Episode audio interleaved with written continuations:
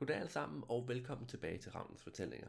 I dag vil jeg fortælle den tredje del af vores adventshistorie, så sæt jer til rette, find julehyggen frem og lyt med. Det var midt om natten, og stillheden var kun brudt af en anspændt hosten. Der, i den faldfærdige hytte, lå den lille pige og lyttede. Hun kunne ikke sove, for skønt hendes mor ikke hostede særlig højt, var det alligevel ganske forstyrrende.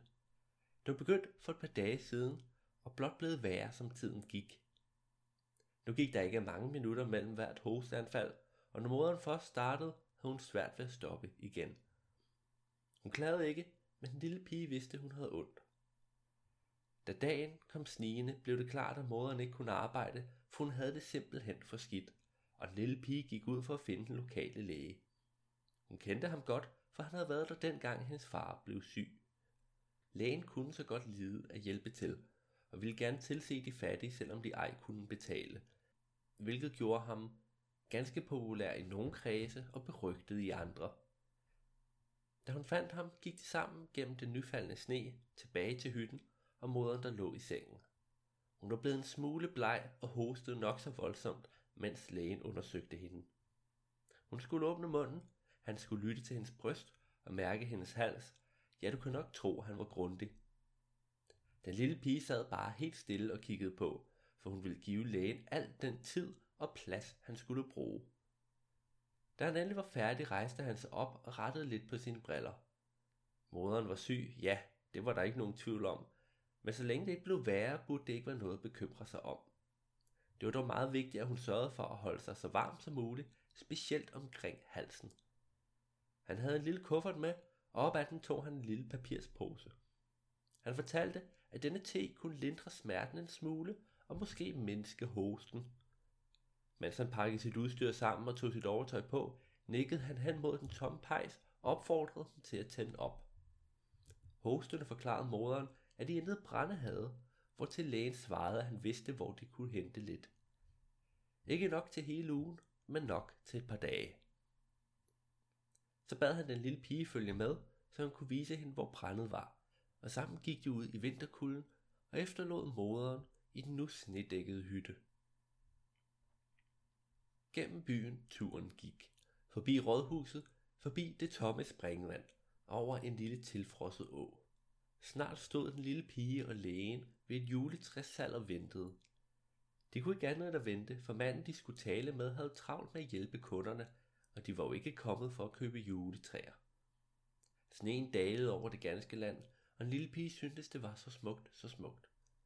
Hun kiggede op i himlen og så iskrystallerne langsomt falde og prøvede at fange nogen med tungen.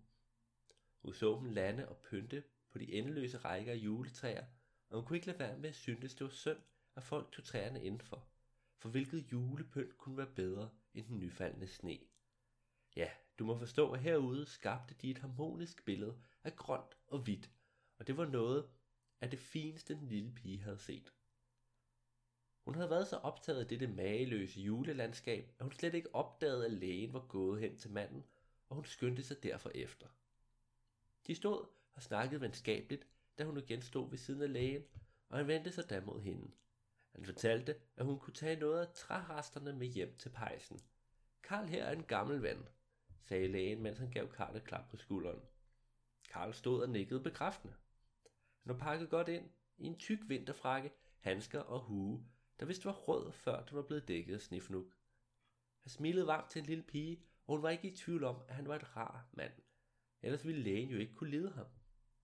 Der skulle lægen til videre, for det var andre, der havde brug for ham, og han sagde derfor farvel og forsvandt ud i det tykke tæppe af sne.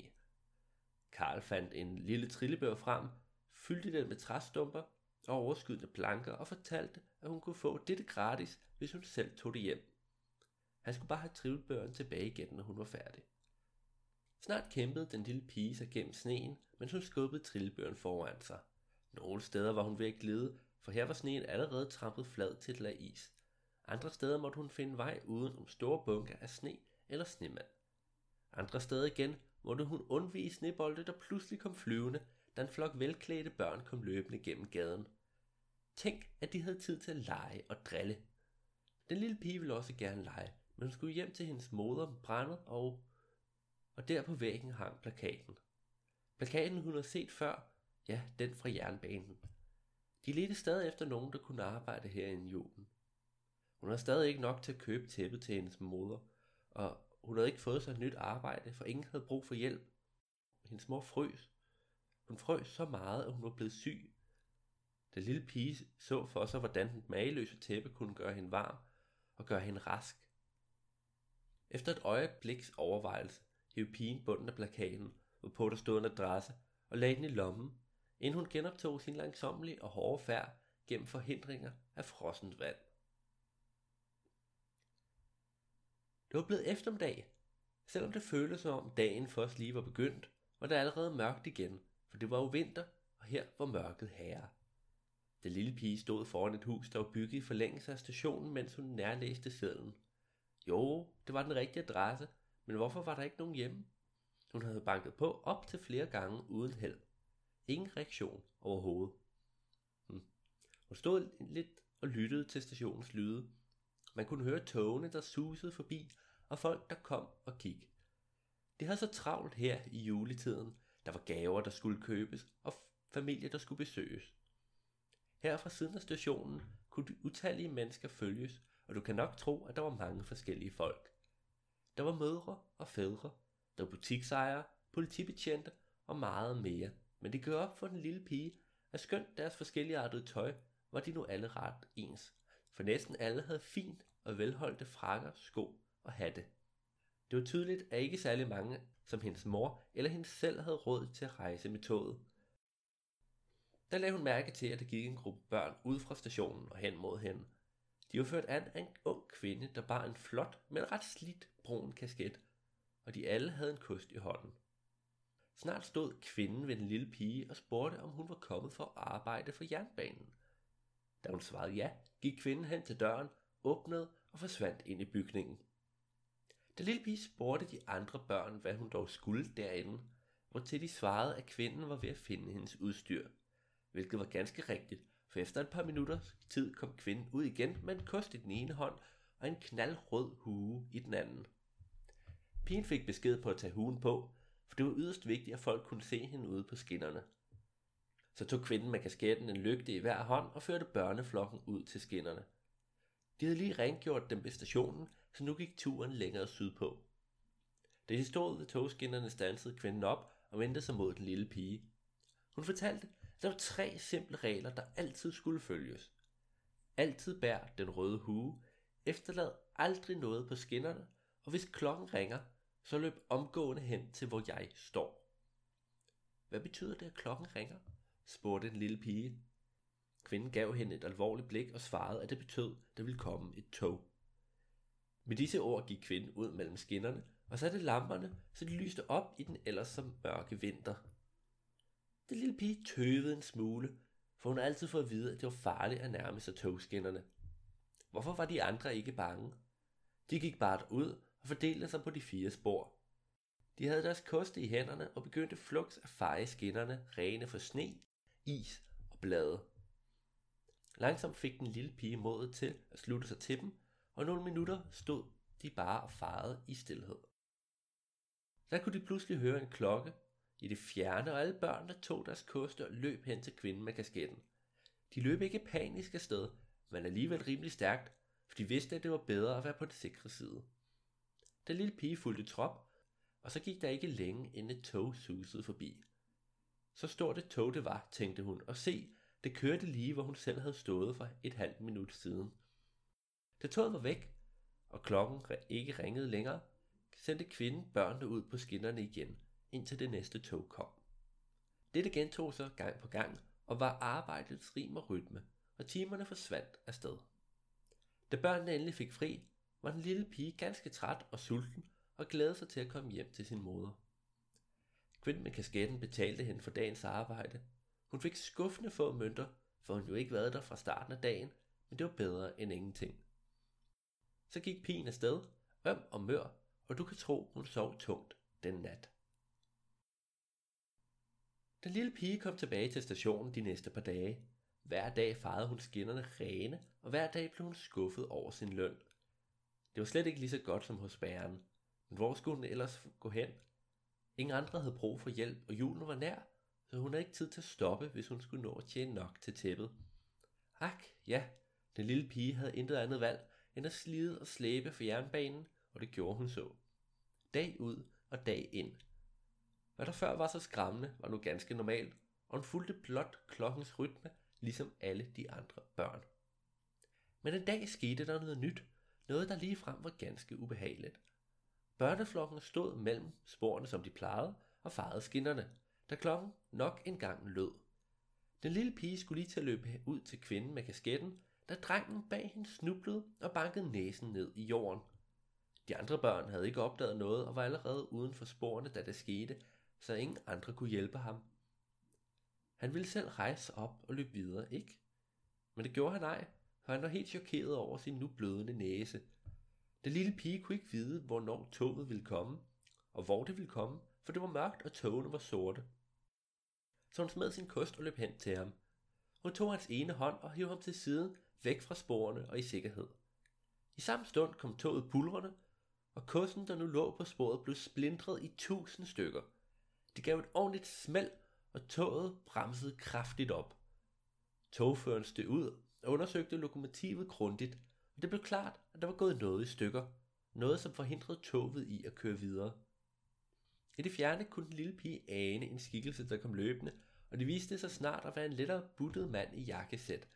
Han løb først hen til togføreren og talte en stund, dernæst hen til kvinden med kasketten, hvor han blev så hissig, at selv den lille pige og drengen, der stod på den anden side af sporene, kunne høre, hvad der blev sagt. Han skældte ud. Tænk, at de havde skadet hans tog. Hvad bildte de sig ind? De kendte jo reglerne. At efterlade noget på skinnerne, det var uansvarligt. Ja, det var lige frem farligt. Var de klar over, hvor mange penge det koster at reparere sådan et lokomotiv? For ikke at tale om forsinkelserne. Oh, og så her, midt i juletiden. Sådan fortsatte manden i et stykke tid, og skønt kvinden prøvede, fik hun ikke lov at forklare, hvad der rent faktisk var sket. Til sidst ytrede manden ejet, at de alle sammen var fyret og beordrede dem til omgående at smide deres uniformer. Snart lå der en bunke koste og røde huer ved siden af sporene, og kvinden med kasketten, den lille pige og de andre børn gik nedtrykt derfra, uden at have fået dagens løn. Den lille pige havde så modet travet gennem de snedækkede gader og var nu kommet hjem igen. Da hun kom for lå hendes moder og sov i sengen, godt pakket ind i et lurvet tæppe. I pejsen var der kun nogle få gløder tilbage, og brændekassen var tom igen. Den lille pige havde gemt alt, hvad hun havde tjent i en gammel slidt træsko, der nu lå under sengen. Hun fandt træskoen frem og talte. Talte, hvor mange mønter hun havde. Talte, om hun havde råd til det mageløse tæppe. Kunne det være sandt? Hun havde nok. Hun havde endelig råd. Hun havde lyst til at juble og danse, men gjorde det ej, for hun ville ikke vække sin moder. Tænk en gang, hvor hun nok blev glad for det. Skønt hun lige var kommet hjem, tog hun straks sit overtøj på igen og fandt en pose, hun kunne gemme gaven i. Men da hun skulle til at forlade hytten, fik hun endnu en gang øje på pejsen. De sidste gløder var brændt ud, og hytten ville langsomt blive kold og ubarmhjertig igen.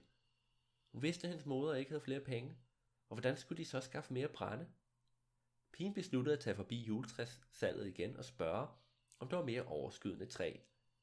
Men da hun stod ved det, blev hun stærkt skuffet, for de var lukket for i dag, og ikke en sjæl var i syne. Nedtrykt vandrede hun gennem byen, indtil hun ankom til butikken med det mageløse tæppe. Det var rigtigt nok, hun havde råd, men det bragte hende ikke længere nogen glæde. Julen var stadig et par dage væk. Hvad nu, hvis de ikke kunne skaffe mere brænde? Ville hendes mor klare sig indtil da?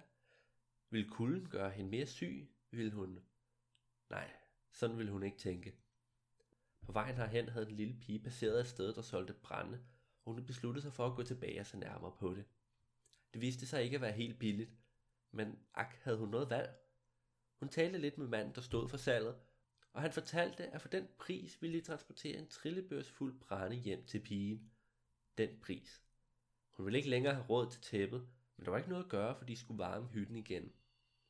Hun betalte manden, og da hun havde forklaret, hvor hun boede, fyldte han trillebøren med brænde af alle mulige størrelser og gik rask afsted, mens den lille pige stod tilbage i sneen. Suk. Hun gik en sidste gang hen til butikken med tæppet og betalte det. Hun havde ikke længere råd til det, men måske hun havde råd til noget andet. Hun havde stadig halvdelen af, hvad hun havde tjent. Hun trådte ind i butikken, og du er sandelig fantastisk, for der var tæpper og varme klæder over alle vægge. De var så flotte og så dyre. Men et af tæpperne, ja, det kunne en lille pige godt betale for. Det var ikke lige så flot som det andet, ej heller helt så stort, men det virkede ret varmt. Hun mærkede efter. Det sorfarvede uld var blødt og tykt. Hun havde hele tiden ville give sin moder et varmt tæppe, og når hun ikke havde råd til det andet, så måtte dette gå an. Så hun købte det, pakkede det ned i hendes medbragte stofpose og gik så hjemad. Hun kunne ikke lade være med at være ked af, hvad der var sket. At hun ikke havde fået købt, hvad hun helst ville give. Havde hun været for doven? Var det hendes egen skyld?